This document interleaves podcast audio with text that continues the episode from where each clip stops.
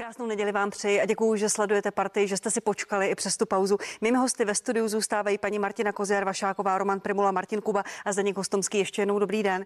Eh, navážu na to, co jsme, kde jsme skončili, a to je očkování. Očkování dětí 5 až 12 let. Profesor Válek z TOP 09 z koalice spolu, který se má stát novým ministrem zdravotnictví, apeluje na rodiče, aby to udělali. Šéf německé stále očkovací komise prohlásil, že by své dítě očkovat nenechal. Vy jste také zdrženlivý, pane, pane profesore Primulovi. Vy radíte počkat.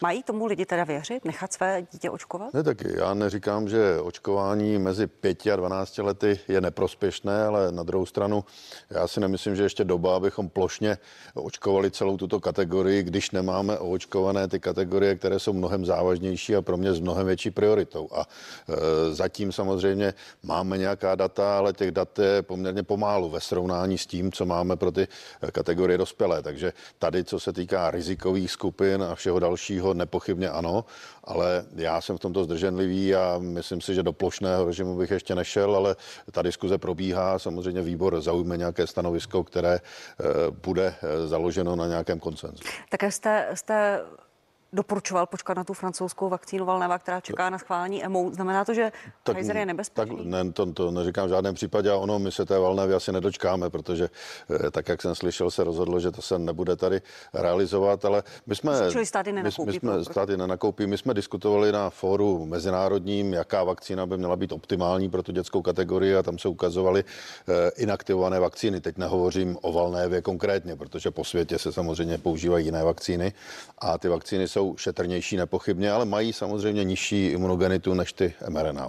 Paní profesorkovi, víte ten důvod, proč stát nechce nakoupit tuto uh, inaktivovanou vakcínu, která možná bude dostupná nejdřív? Ne, to určitě jakoby, tam to jako takzvaně nechce, v tomto smyslu bych to určitě neříkala. My předběžně vyjadřem, eh, jako ministerstvo zdravotnictví vlastně má předběžně vyjadřovat zájem o vakcíny a z těch v podstatě jakoby eh, vakcín proteinových byla zvolena vakcína Novavax, která navíc vypadá, že jakoby byla nejdříve eh, dostupná v podstatě jako principiálně je to také eh, imunizace vlastně součástí toho viru, který není aktivní a ta efektivita je bohužel nižší, jak jsme to třeba viděli u Sinopharmu a podobně, už který u nás nikdy registrován nebyl, ale ty údaje eh, o tom známe.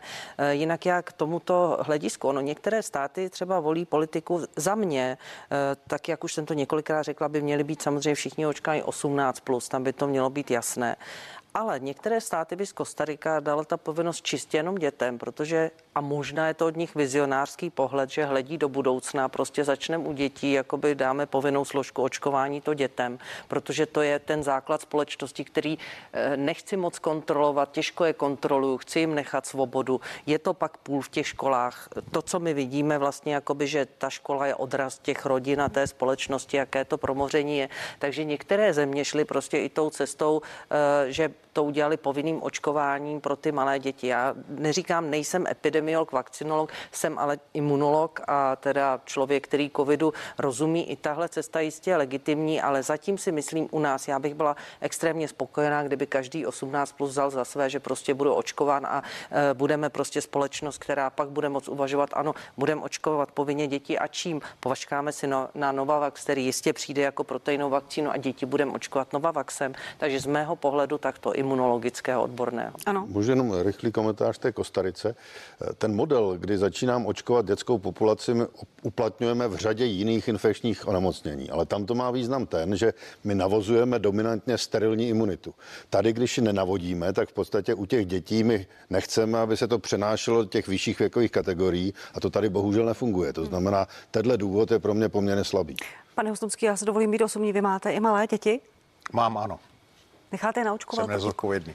A ne, tak já jsem skoro měl na Českém rozhlase Tam jsem na oso, s profesorem Pazirou na tohle téma přesně očkovat malé děti a co by ty, ty vaše děti, protože tam ten pan eh, Mertens, že jo, z Německa, to, to zbudil velkou pozornost, že on vlastně hlavní virolog, poradní orgán toho Robert ano. Koch institutu, velice jako autoritativní figura, říkal, on by svoje děti očkovat nedal. A já, co jsem tady zaslechl, tak já můžu na to reagovat, protože to všechno odráží ty problémy ta Kostarika, já myslím, že to je technicky jako jednoduchý problém. My jsme zvyklí na to prostě dětem nařídit očkování a to je prostě úplně snadné. Abychom povinně nařídili dospělé populaci, zejména jako zkušeným lidem na 65, povinné očkování, to tady ještě v historii nebylo. To budeme muset nějak prolomit policejním státem nebo totali. A já si myslím, že to je neprůchozí chybná cesta. Na druhé straně, a to říkal pan profesor Primula jasně, u toho eh, u tohohle z toho covidu všechny ty vakcíny vůbec nezaručují sterilní imunitu. To je prostě, oni vám usnadní, že pokud se s tím virem setkáte, tak budete mít daleko menší, a na to jsou data velice solidní, mírnější průběh. Ale já bych to ještě otevřel tak, pokud pokud eh, budeme očkovat děti, tak musíme automaticky předpokládat, že jim pak otevřeme ten svobodný život a oni se tomu viru budou exponovat a to bude součást té interakce mezi virem. Ten virus si nás taky ošahá, on nás nechce pozabírat, on chce se, on se prostě replikovat.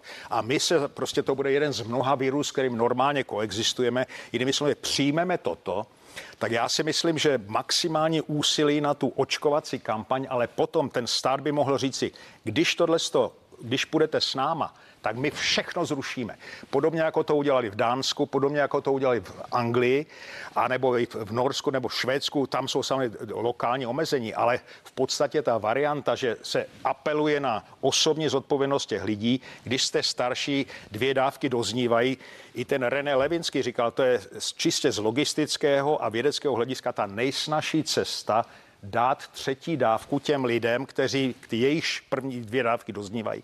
A to bude mít e- jako iminentní nebo okamžitý průběh na tu počet zatíženost nemocnic, protože to, já souhlasím, to je náš hlavní logistický problém, zatíženost nemocnic. Ale dlouhodobě si myslím, že ta cesta je viruse exponovat, normálně svobodně žít, žádné roušky, žádné rozestupy, prostě zvykneme si na to a ta vakcína je taková berlička, která nám v tom pomůže. Vak, vývoj vakcín vůbec není konečný, to jsou vakcíny první generace, můžeme mluvit o sližnějších protilátkách, tak intranazální vakcíny, ta věda se nezastaví. Já jsem teda zastánce jako nebojte se, ta věda vám dodá řešení, ale... Promiňte, pan, pa, pa, pane docente, a k dětem, nechal byste naočkovat své děti 5 až 12 let? Je to, je Já to přesně na tuto otázku jsem odpověděl, tak se nemůžu, nemůžu měnit. Já si myslím, ze zdravotního hlediska ne, i když vím, že jeden z tisíci může dostat PIMS a tak dále, ale stejně na ně nemusím. Ale já bych, já ty děti nechám očkovat a moje, moje žena si to tak přeje, nikoli z medicínského hlediska, ale proto, aby mohl jít do kroužku, aby nemusel na karanténu, ještě čistě z byrokratických důvodů. Stát to takto nastavil, já to respektuju, já si myslím, že ty vakcíny jsou naprosto bezpečné, že těm dětem naprosto nic nehrozí. Ale ta, jestli je potřebují nebo ne, to už prostě to je jako kdybyste se mě zeptala, vy naučíte svoje děti plavat nebo ne? A já si říkám, no tak a, ano, jako e, určitě jim to pomůže, ale kdyby stát do toho vstoupil, říkal, každé dítě se musí naučit plavat, jinak zakážeme prostě vstup do bazénu, to se dá takto představit. Já si myslím, že ten rodič by měl mít tu zodpovědnost. Já jsem třeba povzbuzen, to je poslední věc, že třeba ta vakcína od 12 do 18, která už, už je k dispozici, že to, že v asi 40% těch dětí už je vlastně vakcinovaných a že to nebyl státní tlak, ale že to čistě praktické uvážení těch rodičů. A nebo už i těch samotných dětí, které mají dost na to dětí, ale ty nemají, sami. právně nemají rozhodovací právo, musí to, myslím, odsouhlasit ano, rodič. do 16 let. Ale že, že, to, že, že to má praktický dopad na to, aby mohli chodit na akce. Hmm. Ale nikoliv, protože se bojejí toho, že dostanou, já nevím co, Nechal byste své dítě naočkovat, pane? Já mám Hypotetická teda, otázka. No, já mám teda malý dítě, ale myslím si, že bych tom postupoval velmi, velmi podobně jako pan profesor. Myslím že je to strašně důležité, co tady zaznělo. Ty vakcíny jsou bezpečné, těm dětem vůbec nic nehrozí. Ale já bych jako politik teď v téhle chvíli. Promiňte, za... a víme to jistě, nevíme ty dlouhodobé dopady. A to je právě ta obava některých lidí, kteří se bojí vakcín, bojí se nechat očkovat děti, protože neví z dlouhodobého hlediska. Podívejme se. Nemusí to být ani zarytí antivaxeři, kteří šíří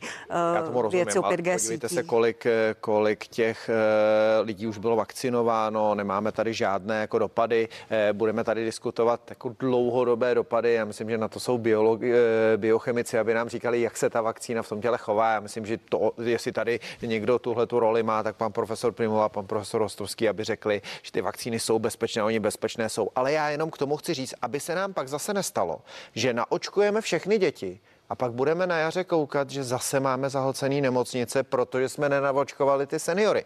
To je to, co říká pan profesor Primula. Ty děti nebudou sterilní, ty děti budou moct fungovat, budou se potkávat s tím virem, ano. ale kdyby jsme si představili společnost, v které budou naočkovány všechny děti do 12 let a nikdo nad 60, tak vám garantuju, že ta situace je ještě horší, než by byla teď. Takže ono je, a pak se vůbec nedivím, že ty lidi vlastně tomu nevěří, protože oni očekávají, tak my půjdeme s váma, říkáte velmi správně, pane profesore, ale pak se všechno zruší. Ano. Akorát problém je, že ono jich nešlo dohromady tolik, aby se dalo všechno zrušit. Protože dneska, když stojíte před tou covidovou plnou jednotkou, tak hold bohužel musíte použít i jiný opatření, ty hloupý lockdowny, zavírání něčeho, abyste vůbec udržel ten systém v chodu. Já velmi fandím té variantě, kterou říkáte vy.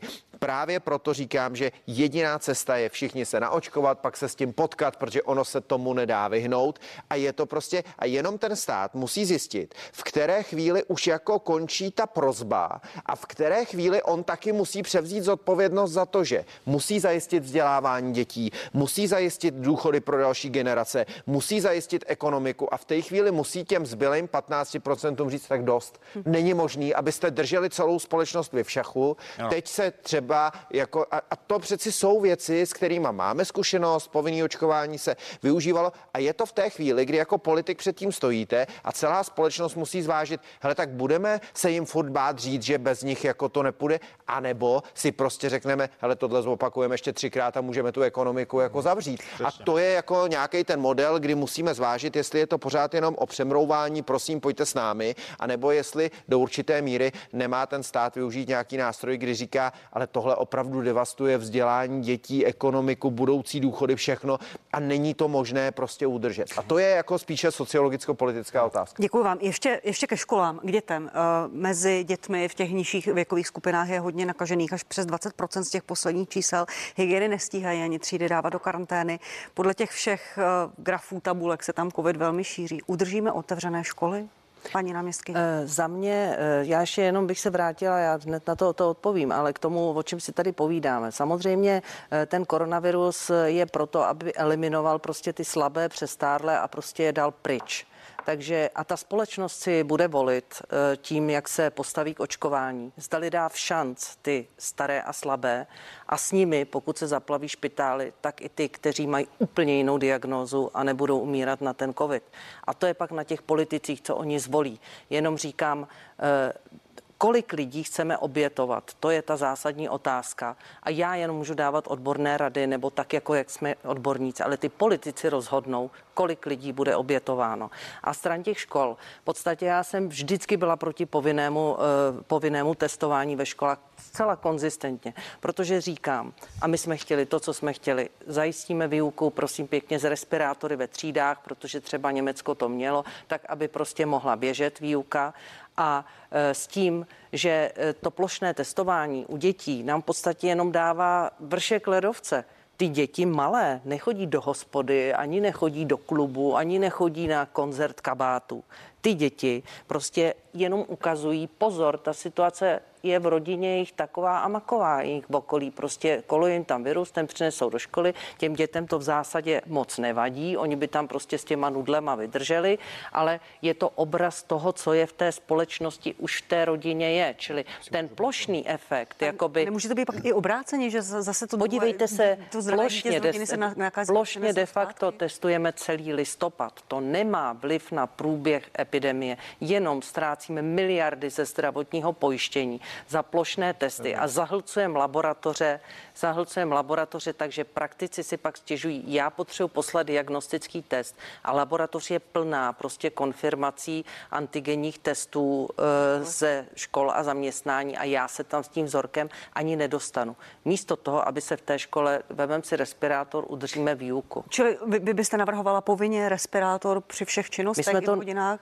Nebo jak teďka s tou situací, protože těch nakažených dětí je tam hodně, blíží se Vánoce, ty děti odjedou do rodin, navštíví babičku a dědečku. Ale teď oni, kdo je hlídá, ty malé děti? Vy si myslíte, že ty rodiče, kteří chodí do práce, to dítě, které je vyřazeno z kolektivu, hlídají sami? Ne, dají je babičce a dědečkovi. Naopak, my dosahujeme tím možná i opačného efektu. Pane Kubo, jste Já jenom krátká věc. My se s paní náměstkyní v řadě věcí shodneme, ale v eh, testování antigeny ve školách se úplně neschodneme, protože já tvrdím, že my tu uh, epidemii můžeme jenom brzdit. My ji prostě neumíme zastavit. Přesně. A můžeme ji jenom brzdit. A jestli ji můžeme brzdit, tak tím, že zjišťujeme, jak se rozjíždí. A na to je dobrý indikátor ty školy. To znamená, kdyby jsme testovali plošně antigenama dřív, tak jsme jednak mohli vytahovat z těch kolektivů, otestovat je v pondělí ráno, vyndat ty pozitivní. Já chápu, že je to jenom brždění, že to není vyřešení, ale je to brzda, kterou jsme trochu i opominuli a ona se nám pak rozjela do těch rodin tak, že už to potom jako nejde celý zastavit. Takže tohle to je podle mého jedna z brzd, která se nevyužívala ve chvíli, kdy se využívat měla. Protože ona, ta epidemiologie, je právě nepříjemná v tom, že ta opatření musíte přijímat ve chvíli, kdy vlastně pro ně ještě není celospolečenská nálada.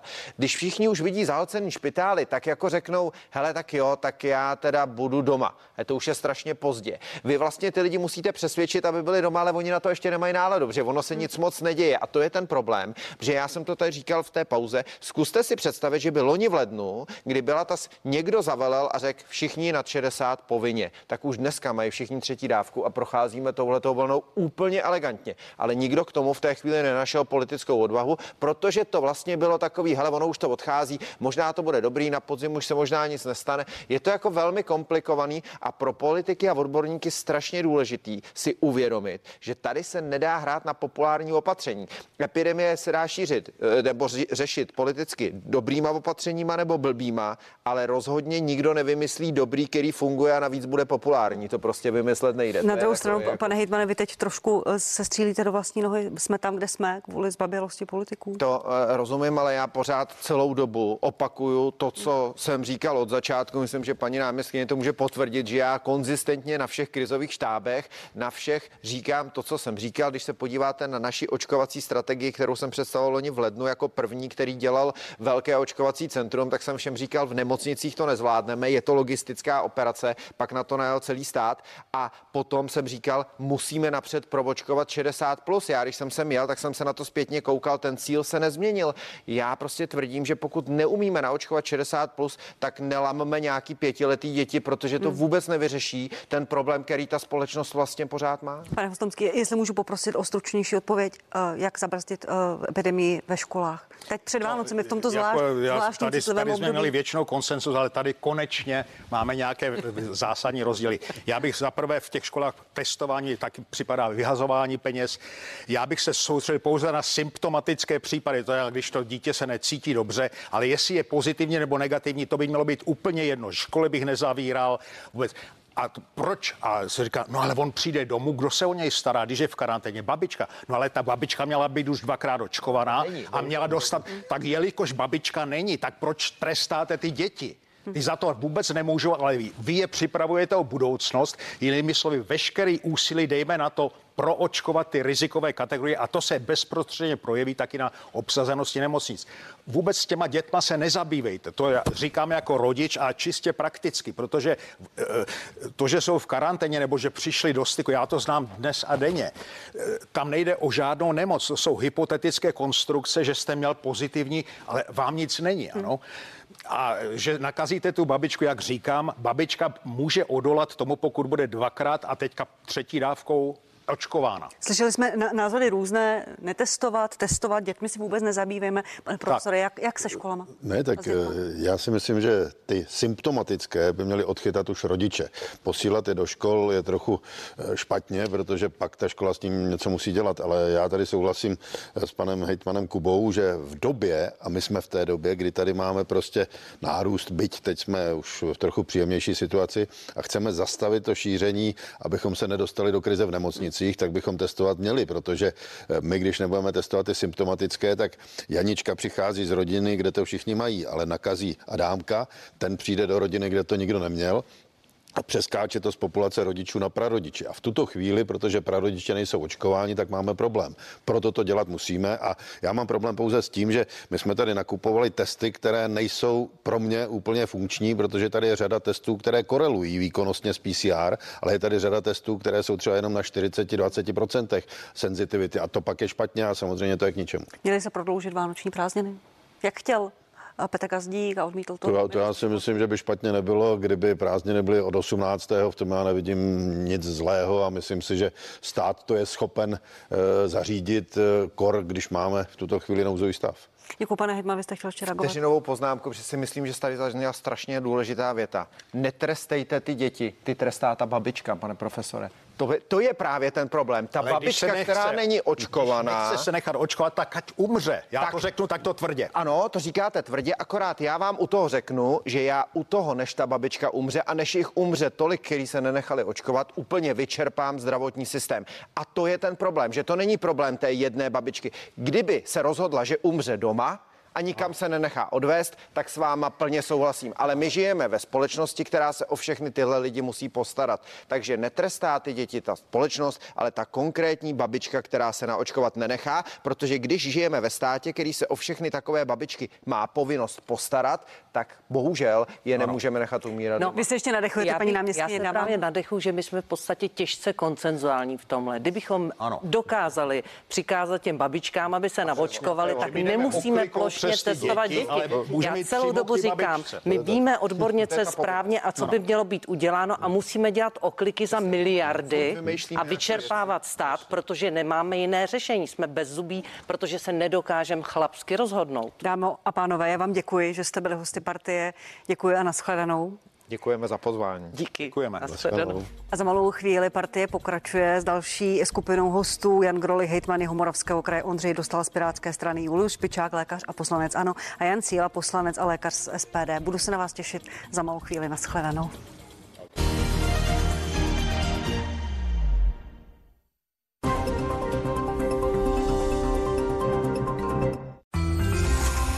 Nelíbí Přijít se k nám na prodejnu poradit s výběrem dárků je prostě chytrá. Pouze tento víkend extra sleva 10%. Platí i na již zlevněné produkty. Datard. Dárky opravdu pro každého.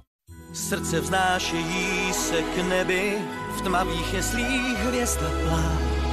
Největší je vroucí přání mír na zemi lidem dát. Nádherný čas vánoční merci za Konečně jsme tady. Už zase ty záda. Proto mám vždy po ruce účinný lék Olfen Neoforte. Olfen Neoforte, síla dvakrát vyšší koncentrace účinné látky, ulevuje od intenzivní, náhle vzniklé bolesti zad, svalů a kloubů. Takže můžeme relaxovat.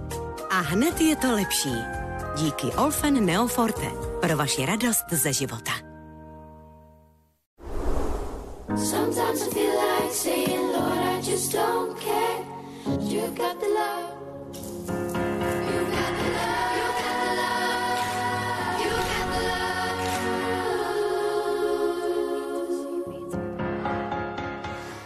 Milka. Jemnost chutná lépe. Objev ty nejstylovější zimní outfity. V ležérním, svátečním nebo jakémkoliv jiném stylu.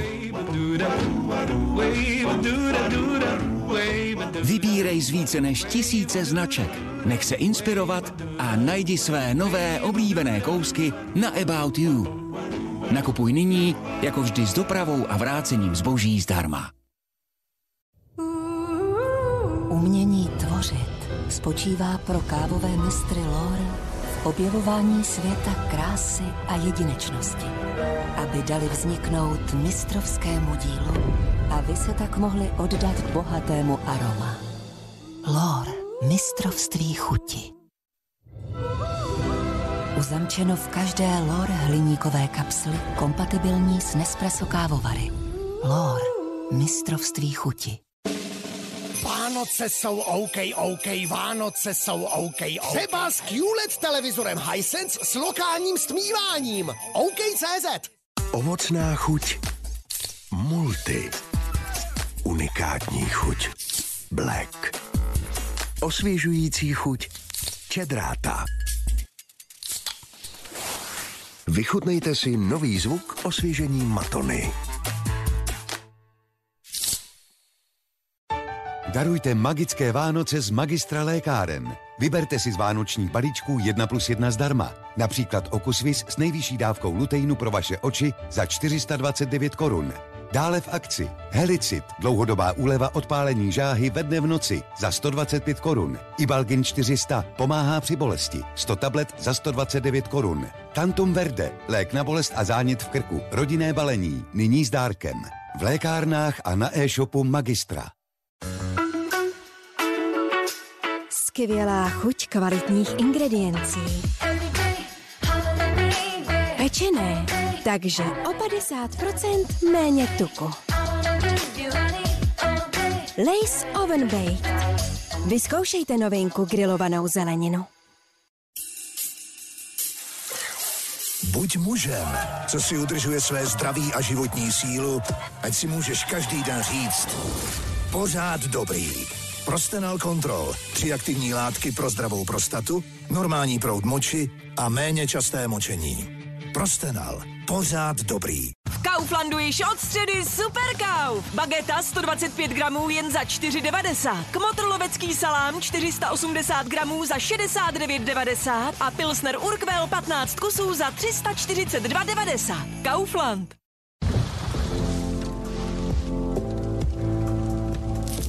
Když si konečně uděláte chvilku pro sebe, vychutnejte si ji s pralinkou Lindor.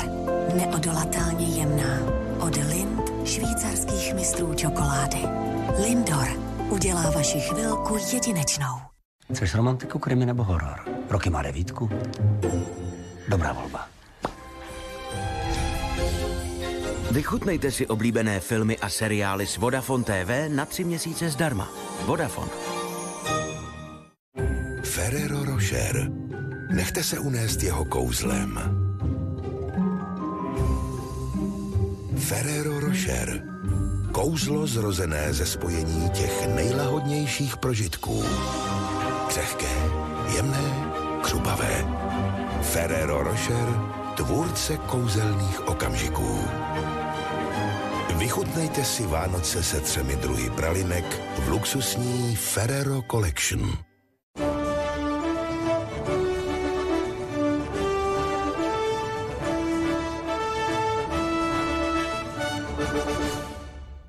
Slavnostní premiéry, bonusové materiály z natáčení seriálů, exkluzivní záběry do zákulisí televizního vysílání, vaše oblíbené tváře na place i pěkně v soukromí, ale také kdo, kde, kdy a s kým. To všechno je Showtime magazín, který přináší novinky ze světa vašich oblíbených osobností, jejich životy, slasti i strasti. Každou neděli večer na CNN Prima News s Laďkou Něrgešovou, Ivou Kubelkovou a Immanuelem Adenubim. Jak výsledek voleb ovlivní finanční situaci českých domácností? Jaké mají novopečení poslanci a přední ekonomové recepty, aby růst cen, který sledujeme v přímém přenosu, nedopadl na naše peněženky? S čím přicházejí do politiky nováčci v poslaneckých lavicích? Mají šanci přinést do sněmovny nový vítr a taky exkluzivní pohled na českou politiku očima známých osobností, bývalých politiků nebo hvězd showbiznisu. To vše nabídne každodenní diskusní blog, který jinde nenajdete. Sledujte pořady, co na to vaše peněženka, divoká karta a co Čech to politik. Každý všední den v 18.00 na CNN Prima News. Vydejte se s námi na cesty za poznáním. Srdce se vám zastaví pokaždé, když ty krásně nastrojené lidi vidíte. I za fantastickými objevy. Přivést vzorky zpět na Zemi bylo dlouholetým snem všech vědců. Teď zrovna projíždíme černobylskou rezervací. Viděli jsme šest žraloků, někteří mohli mít tak dva a půl metru. A proskoumejte s námi Prima Svět. Premiéra každou neděli dopoledne na CNN Prima News.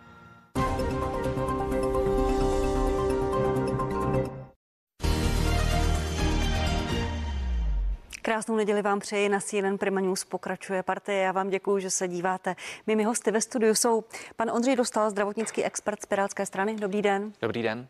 Pan Julius Špičák, poslanec za ANO, místo předseda výboru pro zdravotnictví. Dobrý den, pane doktor. Dobrý den, děkuji za pozvání. Pan Jan Grolich, hejtman Jihomoravského kraje z KDU ČSL. Dobrý den. Dobrý den vám diváků. A pan Jan Síla, poslanec z SPD a lékař. Dobrý den. Dobré Děkuji vám, že jste přišli. Pane Hitmane, já s dovolením eh, začnu u vás. Jeho moravský kraj patří mezi ty nejpostiženější kraje na Moravě. Eh, jak jsou na to nemocnice? Jak se chystáte na Vánoce? V pátek jsme slyšeli od pana primátora Hřiba, že bude chybět na konci, eh, ke konci roku 300 zdravotníků. S jakými plány, s jakými výhledy do toho jdete? Tak eh, ty data, co máme z konce týdne, tak eh, za mě jsou aspoň pro tu eh, Moravu trochu pozitivní a to je v tom, že vypadá to, že ta nákaza se u nás trochu zastavuje, pořád se šíří do Čech, ale u nás se snad zastavuje. To by mohlo znamenat, že za 14 dní by ten nápad hospitalizovaných v nemocnicích mohl začít klesat. Takže v toto já doufám, ale ukáže nám ten příští týden, jestli opravdu se to na těch číslech zastaví, anebo jestli budeme dále růst. Stačí ta opatření, která Ministerstvo zdravotnictví přijalo, část společnosti akceptuje, část nikoliv, část se snaží nějakým způsobem obcházet, jak vidíme, bude to stačit? Zase to zopakuji, pokud ten příští týden ukáže, že se ta pandemie zastavuje, tak tím za mě to znamená, že eh, se těmi opatřeními a dalšími věcmi podařilo ji zastavit a tím pádem za mě snad nebude potřeba zpřísňovat. Ale uvidíme, co to udělá v Čechách a, a podobně, ale já si zatím eh, myslím, že to zpřísnění nebude potřeba a jsem rád, že se aspoň něco udělalo teď, protože opravdu ty čísla začínají stagnovat. Mluvila jsem o tom i se skupinou prvních hostů, ta nálada ve společnosti, ta nenávist. Vy jste se k tomu vyjadřoval na sociálních sítích tento, ten tento týden. Napsal jste, napadat zdravotníky je totální nevkus. Jaké jsou zkušenosti sester a lékařů s, s, s tímto, s nenávistí, kdy část společnosti která je pod nějakým tlakem, nechce se očkovat, napadá a vylévá si tu nenávist? Tak my to nejvíc eh, vidíme v očkovacím centru v Olympii, kam chodí ta, ta veřejnost bez, eh, nejvíc bez eh, objednání a podobně a je nejvíc těm lidem dostupná. Tam nejčastěji chodí ti, kteří jsou k tomu očkování jako donuceni, že opravdu nechtěli a teď kvůli těm opatřením k tomu očkování jdou a tam opravdu dochází ke střetům a a za mě je to opravdu na, na maximálně nevhodné. A když se dějí takovéhle věci přímo v nemocnicích, tak to je, to je za mě to je vrchol nevkusu, protože ty lidé tam zachraňují životy, zachraňují tam zdraví těchto lidí, kvůli jejich eh, nezodpovědnosti k tomu dochází a za mě to to úplně špatně. Zdravotníci jsou ti poslední, kteří by si cokoliv zasloužili takhle negativního. Pane poslanče Sílu, SPD chce bojovat za neočkované, jak řekl pan, eh, pan předseda Okamora, podali jste správní žalobu proti vládním opatřením. Nesouhlasíte s tím, aby byli diskriminováni zdraví neočkovaní lidé, jak píše Tomi Okamora, kteří mají třeba negativní PCR test. Za tyto občany se stavíme. Co pro ně chcete vybojovat? No my bychom chtěli, aby to očkování bylo skutečně dobrovolné, aby měl právo každý se rozhodnout, zda se nechá očkovat nebo se nenechá očkovat. SPD jako svojí podstatou nebo programem zastává společenské svobody a v tomto případě se přecházíme skutečně na tu individuální, liberální, individuální svobodu rozhodnutí, jestli jo nebo ne. A je to z, toho, z několika důvodů se takhle rozhodujeme. Je to proto, že původní očkování, které probíhá už 50, možná 100 let, eh, běžnými vakcínami a u těch je známo, známe dlouhodobé účinky a různé komplikace a tak dále. Ta, tato vakcína však eh, je úplně nová. Ta NMRA vakcína, která nemá jak testy dlouhodobé a nemá vyzkoušený, zda nemůže docházet nějakým eh, komplikacím dlouhodobým, jako jsou třeba například eh, různé autoimunní nemoci, roztroušená skleróza a tak dále, tak dále. Dalo by se to jmenovat až po třeba až po nárůst nádoru jo, různých rakovin. Promiňte, promiňte, vy jako lékař, Jaký máte postoj k očkování? Pokud si dovolím být osobní, vidíme se poprvé, děkuji, že jste přišel do mého pořadu. Jaký máte vy postoj k očkování? Co doporučujete svým pacientům, svým blízkým? Jak jste na tom vy sám? Já sám eh, doporučuji očkování, protože pracuji, jsem pořád ještě aktivní lékař, pracuji v nemocnici na částečný úvazek a vidím to, co se tam děje. A když Promiňte, vidí... ale říkáte, může to způsobovat eh, onemocnění, nádory, autoimunitní a doporučujete. Nejste tady trošku vlastně v úplném rozporu Nejse. jako politik a jako Vysvětlím. lékař? Vysvětlím. Eh, já jsem sice studoval eh, prostě ty studie ohledně mortality nebo letality jednotlivých věkových skupin, různých rizikových faktorů a zjistil jsem, že se týká prostě to nebezpečí pro pacienty 65+. Plus jo, kde já tady mám někde vypsaný dokonce ty mort, tam ta letalita podle věku, že v roce do 39 let zemře jenom jedna desetina procenta nemocných ale už od 60 do v, v kohortě 60 až 69 zemře 2,4%, 70 až 79 zemře 10,2% a nad 80 let zemře 29,8%.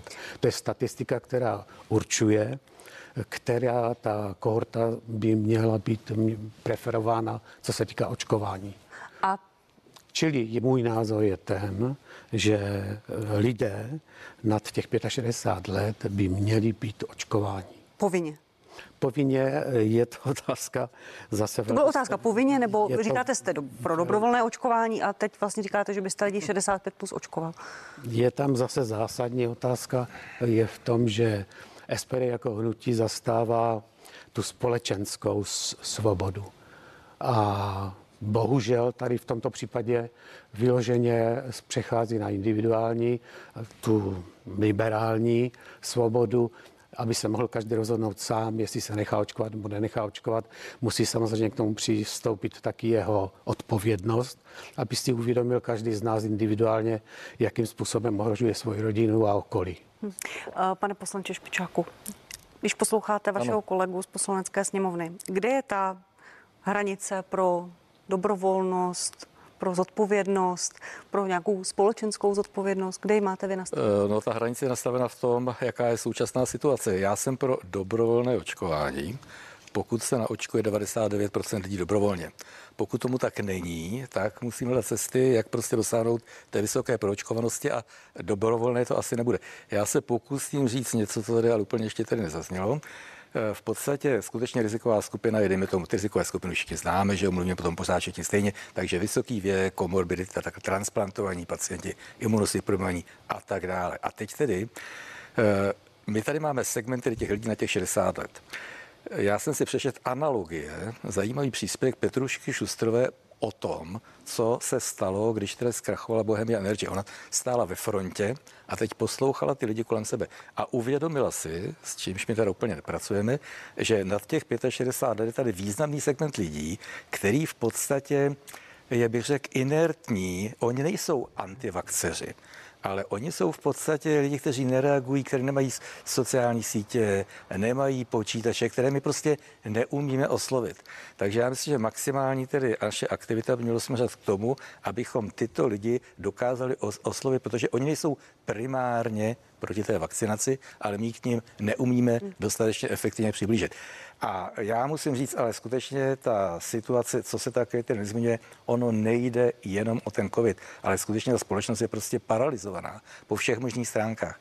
Vzdělávání prostě ta, my si nemůžeme dneska dovolit vyhodit studenta od zkoušky, protože on řekne, že pomáhal prostě dva měsíce v nemocnici s covidem a, a, a tak dále. Takže je tady celá řada tedy aspektů, dále tedy to, že tady je obrovská, relativně vysoká nadúmrtnost díky jiným onemocněním, který se nevěnujeme, protože prostě jsme všichni zalíceni covidem. Takže já jsem za dané situace pro povinné očkování. Povinné očkování ano. 18 plus 60 plus po profesních skupinách. Kde, Já kde, v, to, kde v té diskuzi tak, Určitě ne, musím říct si dětem a co ještě nezaznělo v té předchozí debatě, která tady byla, kterou jsem sledoval, bohužel tedy u těch dětí to očkování ale není jednorázové.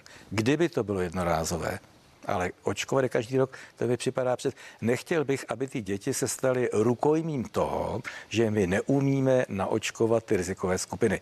To znamená, přece bych asi v současné době preferoval povinné očkování asi nakonec už i dospělých, podobně jako říká například docent Svoboda. Děkuji.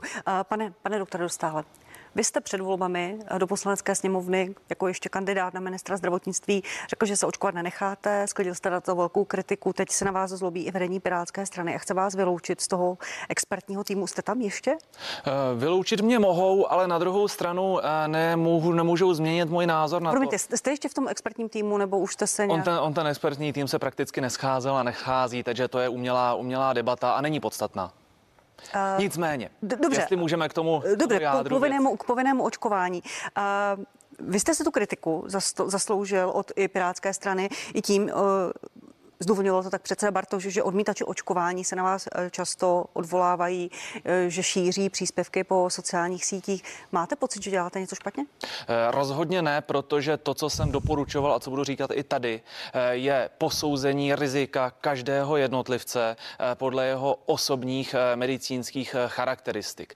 To znamená, že pokud zde máme člověka, který je ve vysokém riziku, dosud neprodělal, eh, je třeba obézní, je kuřák, je senior, v takovém ve všech těchto případech eh, jsou eh, jednoznačně očk- indikovány očkovací látky. Pokud zde na druhou stranu máme někoho, kdo již prodělal, kdo i podle dat, která se snažíme opatřovat, abychom pracovali na základě dat, tak ten, kdo prodělal, tak je na tom lépe než lidé s boostrem podle dat, která teď vypadla z analytických týmů, tak v takovém případě není důvod, abychom je nutili do očkování. Stejně tak. Promiňte, ale říkal to tady i Zdeněk Kostomský a vyplývá to i z těch dat, která možná máte k dispozici, pravděpodobně hmm. máte, že lidé po očkování a po prodělaném covidu jsou na tom zdaleka nejlépe, že ty ti nejsou v těch nemocnicích a nejsou ani na jibkách. Je to všechno otázka poměru rizik a přínosů. Já mám děti 5 a 7 a ty děti obě prodělali, byly opakovaně testovány, protože já, jak oni, jsme v kontaktu s mnoha lidmi a máme seniory, kteří, které sice máme naočkované, ale víme, že ani to eh, očkování nemusí eh, plně chránit. Dosud se u nich neobjevila žádná eh, infekce a ani podle všech vědeckých poznatků není, pod, není pravděpodobné, že by se ocitli na JIPu nebo vůbec v nemocnici. To znamená, že u těch dětí ta rizika, byť jsou relativně minimální, která z očkování jsou i podle platného SPC, nepřevyšují ty přínosy pro ně. Zcela naopak u těch členů i mojí rodiny, u kterých je ta rizikovost z covidu vysoká a já prostě nebudu za žádných politických okolností doporučovat svým spoluobčanům něco jiného, než co si říkáme v naší rodině. Děkuji, uh, pane Hejtmane Grolechu. Vy jste se tak tady usmíval, když mluvil pan doktor Stíla, pan poslanec. Uh, váš postoj v té debatě o povinném očkování je kde? Koho, jestli vůbec nařídit povinně?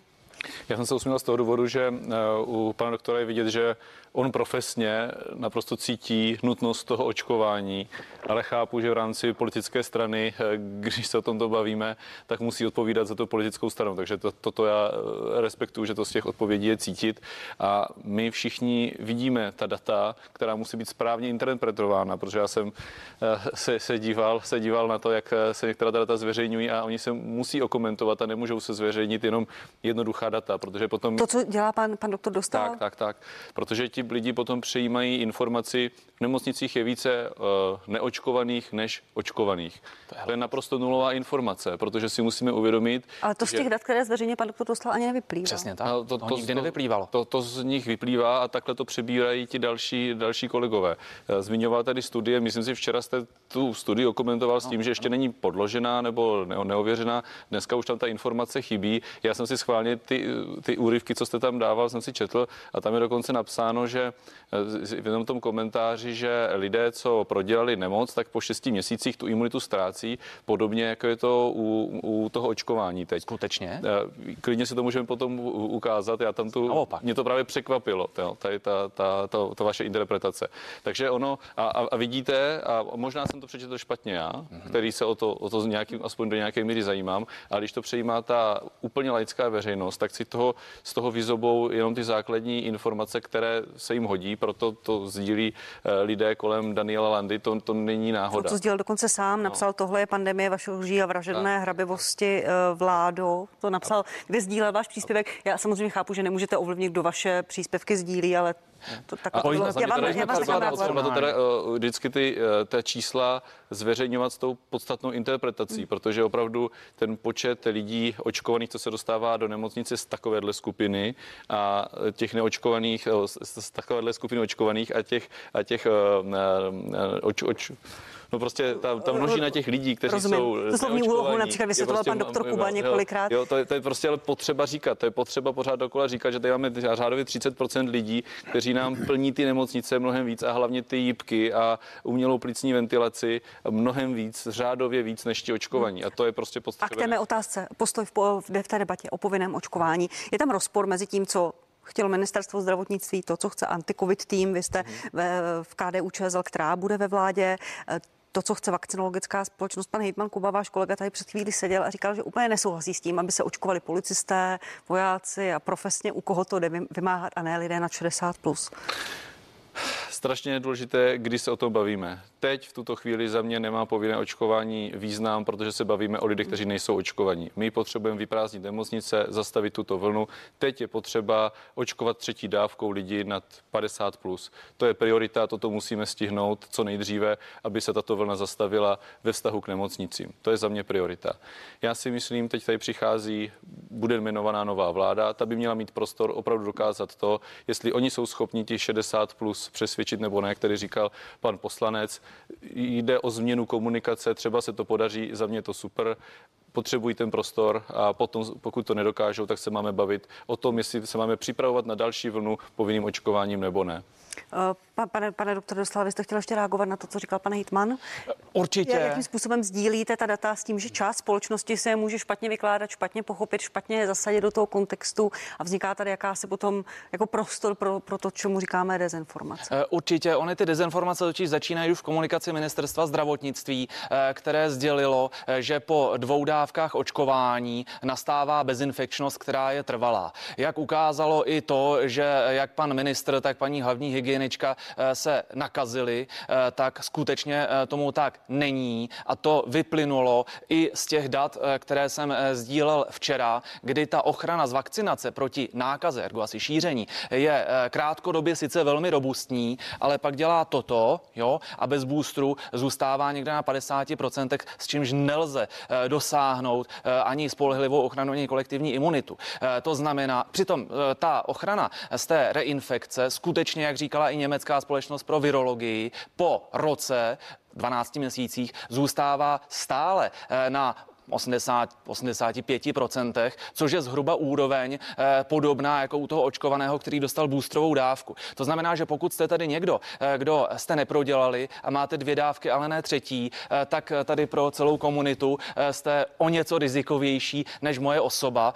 U mě je velmi nepravděpodobné a u mých dětí ještě nepravděpodobnější, že by nakazili kohokoliv kolem sebe, anebo že by skončili na JIPu a proto ta opatření musíme cílit tak, aby nebyly zbytečně omezovány. Promiňte, ještě dovolím si také být osobní jako u pana, pana, pana doktora Síly. Vy si budete měřit protilátky, imunitní reakce do té doby, než, než prostě úplně vyprchá, pak se necháte naočkovat, nebo jak, jakým vlastně máte ten osobní postoj v tom? Ano, já jsem si nechal změřit kompletně protilátky i buněčnou imunitu a to vůbec ne kvůli nějakým opatřením a jestli hmm. mě to někdo uzná nebo ne, eh, ale abych byl bezpečný eh, pro eh, svoje rodiče a starší blízké, kteří ani po tom boostru nemusí mít tu ochranu stoprocentně, jak jsme viděli i na příkladu pana prezidenta. Hmm. Čili považuji za velmi zodpovědné a mnozí lidé tam hrozné fronty na těch protilátkách eh, to zjevně vidí stejně. Pane poslanče Špičáku, zaznělo tady, COVID má pan minister zdravotnictví, paní hlavní hygienička, pan prezident po ano, třech dávkách. Teď se lidé dozvěděli, že ten očkovací certifikát a ty výhody s něj plynoucí platí jenom 9 měsíců. Oni věřili tomu, ale že to je konec, že to je tečka. Tak toto vláda komunikovala. Nebyla to chyba? Nestratí teď ještě víc důvěru občanů? E, nebyla to chyba, protože my se to všichni učíme. My jsme to prostě nevěděli. Mm-hmm. Takže chyba to nebyla.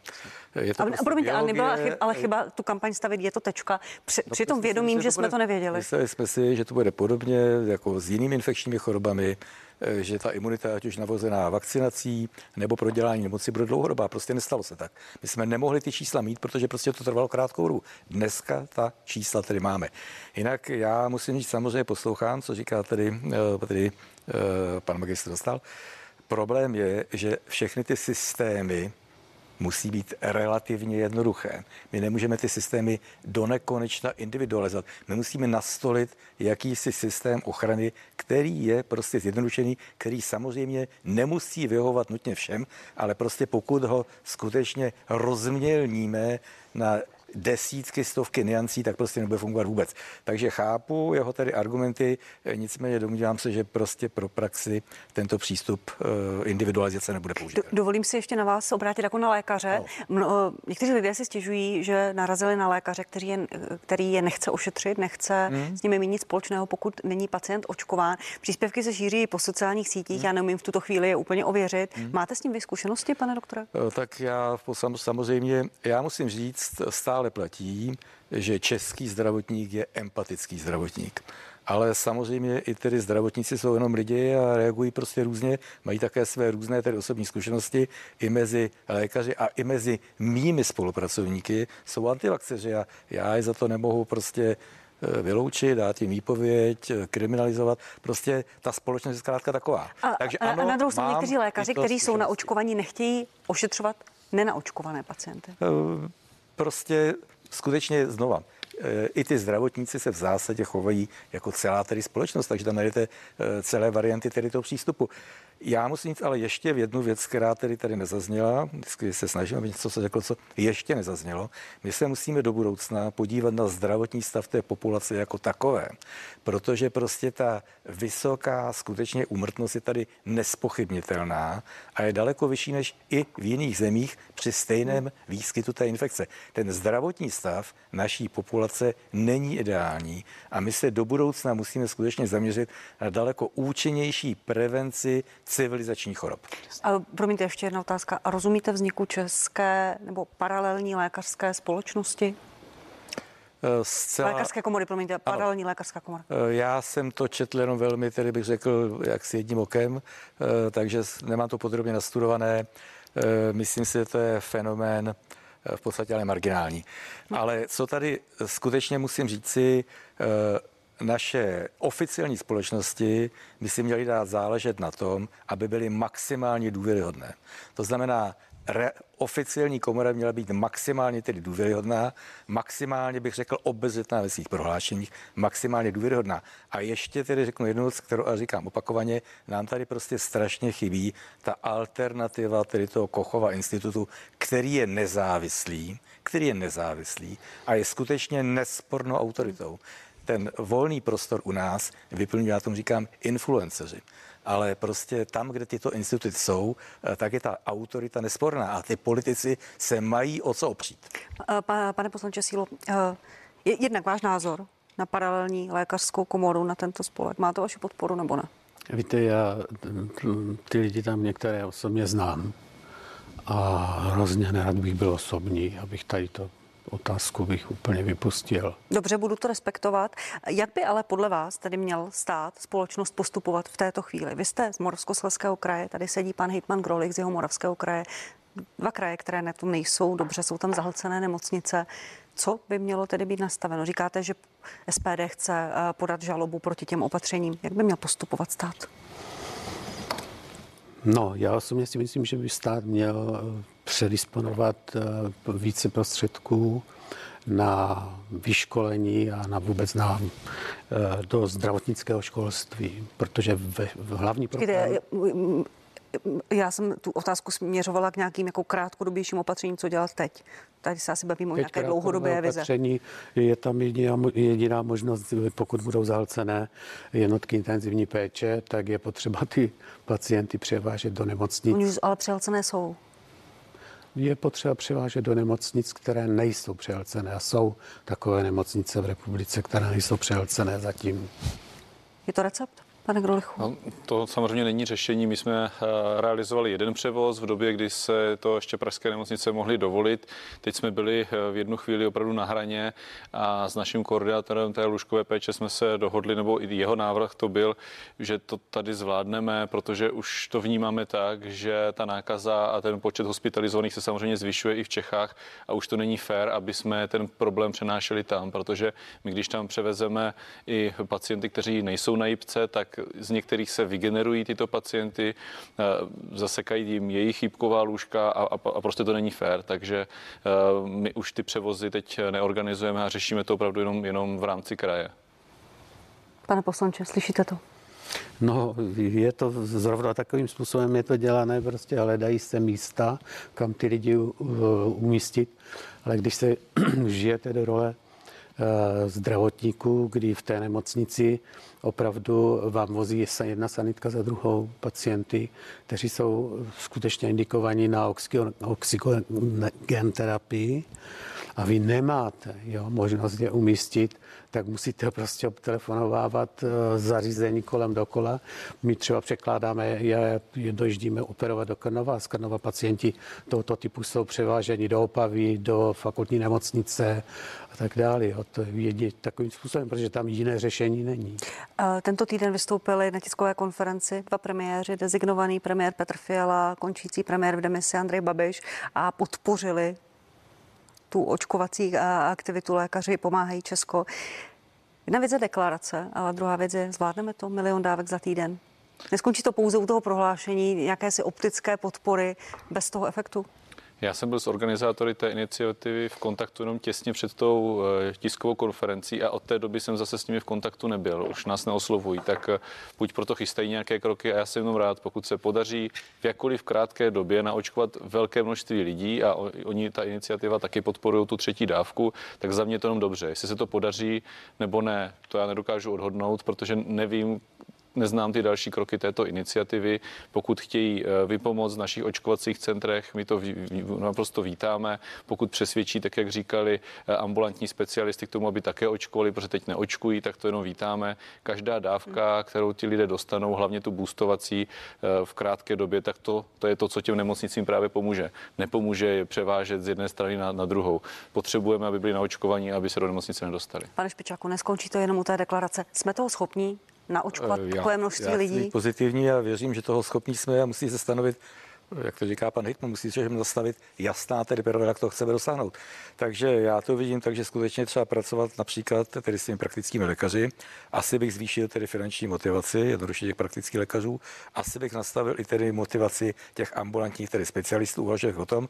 No, problém je vždycky v tom, že nejsou vlastně lidé. Že jo? Takže, takže musíme si uvědomit, že my můžeme zřídit tedy megacentra, kdo v těch megacentrech bude pracovat. No zase ty zdravotníci z těch nemocnic, vyprázdníme nemocnici, bude to chybět. To už jsme se dozvěděli, že Takže je to skutečně problém, ale já myslím, to že třeba nemůže být. k tomu tak, ale budou, eh, pokud jim, tak vzniknou nová velká, jiná velká očkovací centra, pokud v Praze, tak to má být Kotva, má to být tedy Černý most. Prostě musíme se o to snažit.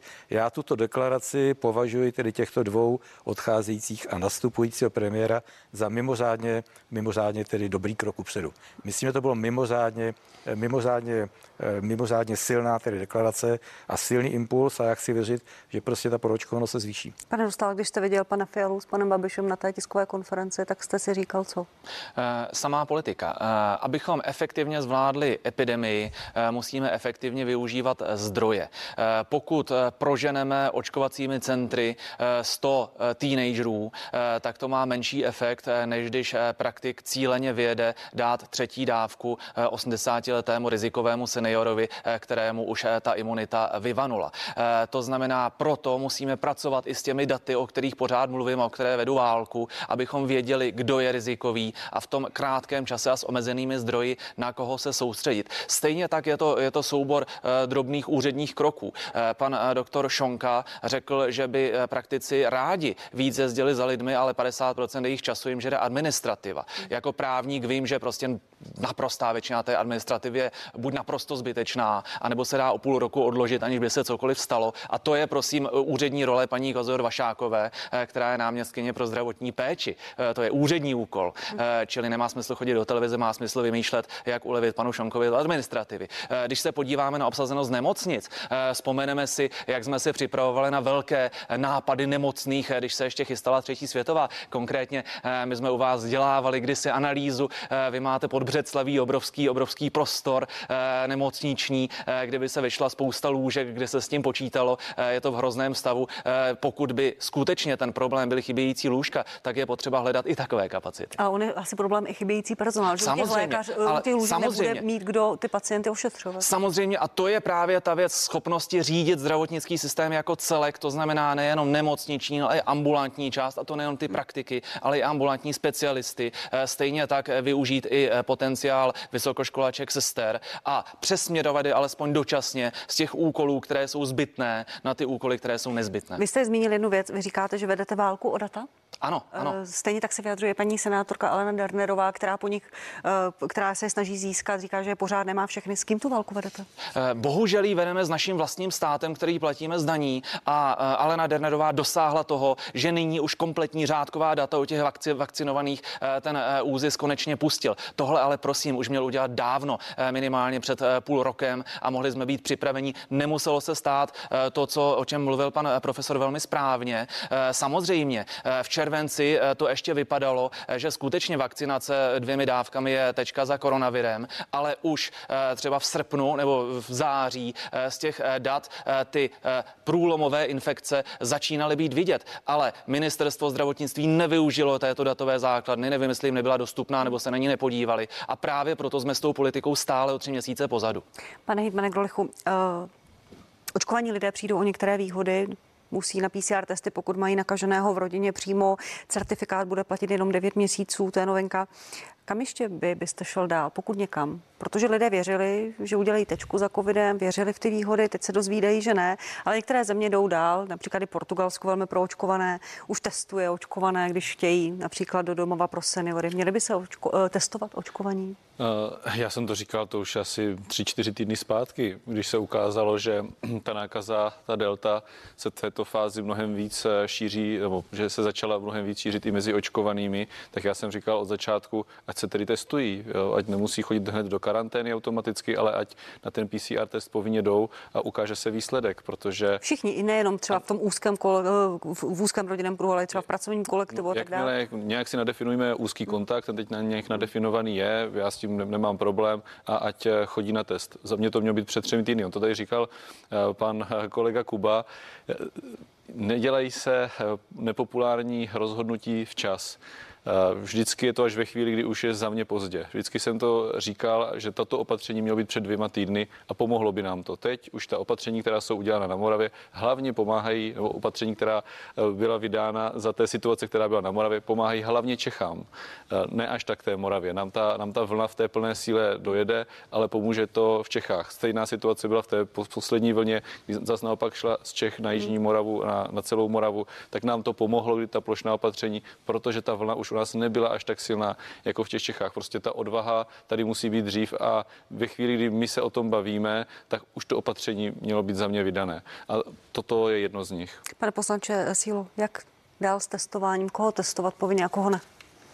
Já si osobně myslím, že by měli hlavně testovat eh, pacienty průběžně, masivně a nejen i eh, skutečně s klinickými příznaky, ale eh, všechny a hlavně PCR testem, který je schopen zachytit virovou nálož nebo virus už v době bezpříznakové. A že to je jediná cesta, jak prostě celou tu, celou tu epidemii přibrzdit. Takže je testovat jo. i očkované povinně? A i očkované, samozřejmě, všechny, bez zbytku. Dopad na ten, na ten na, na celé zdravotnictví finančně.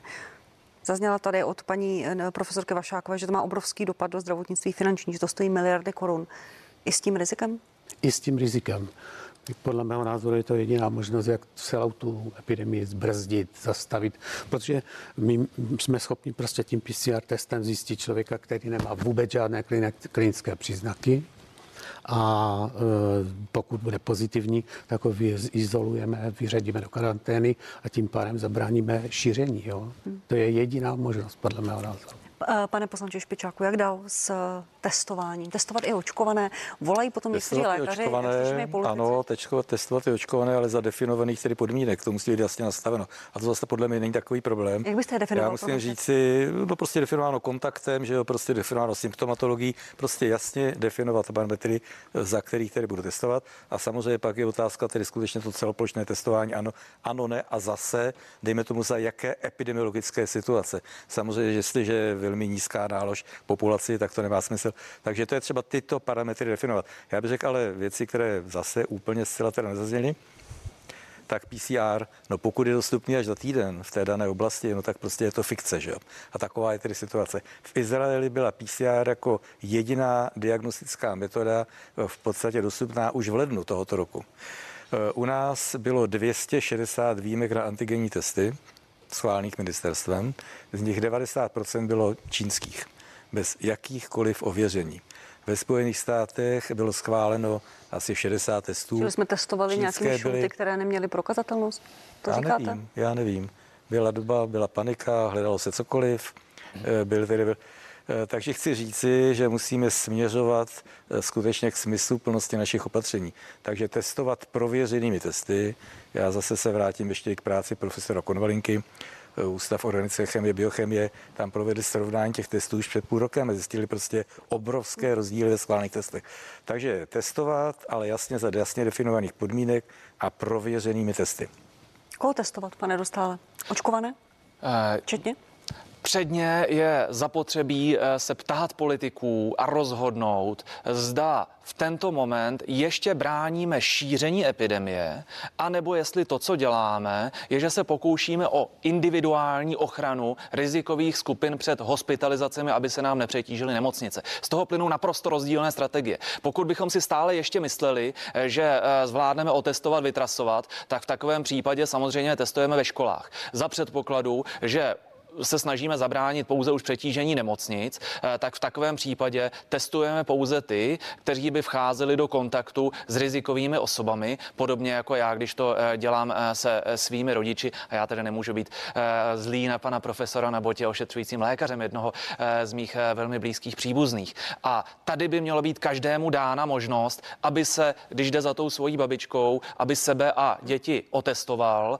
Já si to samozřejmě zaplatím, ale ne každý si to může může dovolit a tím pak vznikají ty rizikové kontakty, které můžou vést k nákaze toho, toho seniora a ten se nám pak může ocitnout na té jipce, čemu si myslím teď potřebujeme bránit. Ještě poslední otázka, pane Gdolichu. Měl by se stát vrátit k praxi a budete to doporučovat svým kolegům v nové vládě, aby proplácel PCR testy, tak jak to bylo dřív, nebo antigenní testy? No, eh, ona je otázkou, jakou eh, tu strategii, eh, strategii vláda zvolí. My jsme v květnu, v červnu říkali stávající vládě, co bude s testováním na podzim? Máme naše nemocnice připravovat na PCR testování? Bude se, bude se ve školách testovat PCR nebo antigenními testy? Všichni nám říkali, ne, není potřeba navyšovat, nedáme vám na to ani korunu. Teď jsme v situaci, v které jsme, tlačí se PCR testování a říkají nám, že jsou malé kapacity. No tak proč nám v květnu, v červnu toto neřekli, že tato strategie bude, my bychom na to ty nemocnice mohli připravit. Tady se dělají eh, rozhodnutí, která, já neříkám, že jsou špatná, ale když se teď rozhodne, že se zruší antigenní testování, no tak ta PCR kapacita tady prostě není, protože se na to nikdo nepřipravoval. Když se z 6, z 5 na měsíců eh, stáhne eh, účinnost očkování, tak já neříkám, že je to špatně, ale nám to mají říct měsíc dopředu, abychom nachystali očkovací centra. Když se to rozhodne, my nevy, nepostavíme očkovací centra za týden. A zase tady obrovský nával, budou tady fronty a budeme nějakou dobu je odbavovat. Takže za mě je potřeba ta opatření říkat s nějakým časovým předstihem, aby se na to ten systém mohl nějakým způsobem připravit. Což tato vláda nedělá, doufám, že ta příští bude. Pánové, já vám děkuji, že jste byli mými hosty. Ondřej Dostal, Julius Špičák, Jan Grolich a Jan Cíla. Moc krát děkuji, že jste byli mými hosty. Naschledanou. Naschledanou. A vám, milí diváci, díky, že jste se dívali. Přeji vám krásnou další adventní neděli. Budu se na vás těšit opět za týden v 11 hodin na Primě a CNN Prima News. Opatrujte se. Naschledanou.